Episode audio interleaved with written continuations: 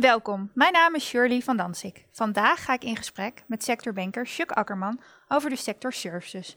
Ik bespreek met hem de trending topics, de belangrijkste kansen en hoe je koplopers kunt herkennen. Ik ben benieuwd. Chuck, de services sector is een hele brede sector. Waarover gaan we het vandaag hebben? We gaan het vandaag hebben over de flexbranche. Interessant. En wat valt daar precies onder? Je moet denken aan uitzenders, werving- en selectiebureaus en uh, payroll. Als we kijken naar de trends en ontwikkelingen, uh, wat zijn volgens jou dan de trending topics binnen deze sector? Aan de ene kant is dat digitalisering technologie. Ja. De tweede is de opkomst van platformen. En de derde de wet en regelgeving.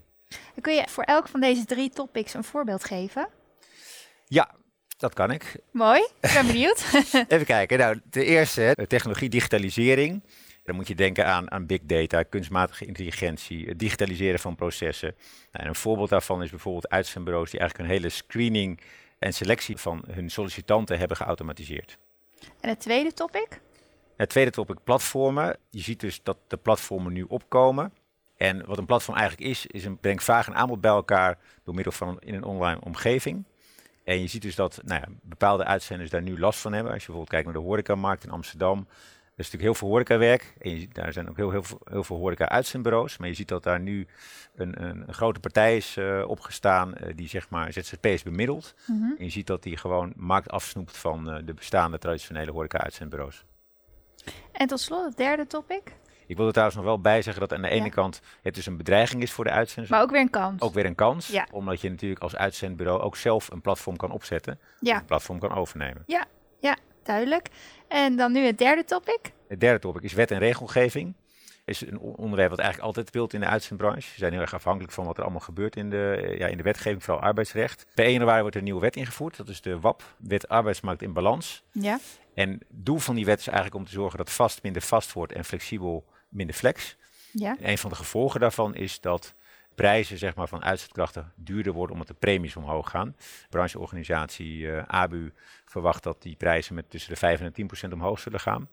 Daarnaast is het ook zo dat payrollers dezelfde rechten krijgen als vaste medewerkers. Dat is ook een belangrijk, belangrijk zeg maar, gevolg of ontwikkeling van deze, deze nieuwe wet.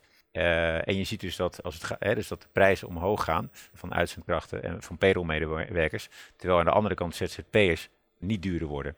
Dus het is, um, ja, ik verwacht ook da dat het daarom een deel van het uitzendwerk mogelijk gaat verschuiven naar, uh, naar ZZP'ers. Oké, okay. je had het net al even kort over 2020. Nou, 2019 is bijna ten einde. Wat, wat zijn jouw verwachtingen voor 2020? Ja, je ziet dat de uitzendbranche jaren heel hard is gegroeid. Je ziet dat op dit moment, omdat de economie ook ja, de groei wat minder wordt, ook zeg maar de flexbranche minder is geworden. Je ziet dat het um, zelfs, uh, ja, doordat er gewoon minder vraag is naar uitzendkrachten en, en ook het aanbod van uitzendkrachten minder is, verwacht ik voor 2020 een, stabilisatie van de markt. Ik moet er wel bij zeggen dat er grote regionale verschillen zijn.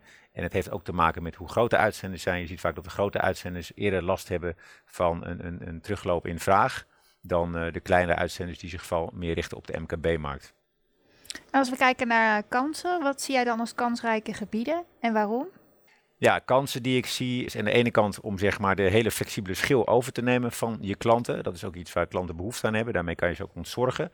En je moet dan denken aan dat je dus de hele flexibele schil van zowel uitzendkrachten als tijdelijke contracten, als oproepkrachten allemaal in één zeg maar schil managt eigenlijk ja. voor de klant. Dat is één. En een tweede is, die ik net al noemde, zijn de platformen. Hè. Dus dat biedt ook kansen om zelf een platform op te richten of platform over te nemen. Nou, dat zijn een aantal kansen. En een andere kans is nog dat je echt als uitzender richt op de menselijke kant. Daarin Wat kan bedoel je, je daarmee? Nou, ik denk dat we ja, eigenlijk gewoon, gewoon diensten bieden die bijvoorbeeld een platform niet kan bieden. Bijvoorbeeld het bemiddelen van mensen met een afstand tot de arbeidsmarkt. Of je werving en selectie doen voor hele specifieke niche-markten. Dat zijn dingen waarmee je zou kunnen onderscheiden. Oké, okay, duidelijk. Tot slot, waaraan herken je de koplopers in deze sector?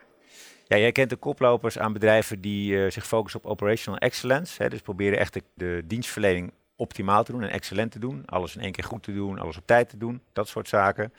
Een andere is dat je eigenlijk gebruik maakt van alle technologische ontwikkelingen die er zijn. Hè, dus digitaliseert wat er, wat er mogelijk is bijvoorbeeld. Mm -hmm. En een derde is dat het heel belangrijk is dat je de klant goed kent en dus de eindmarkten waar die in actief is. Zodat je ook met je dienstverlening kan inspelen op de behoeften die de klant heeft. Dankjewel, Chuck. Vond het een leuk gesprek.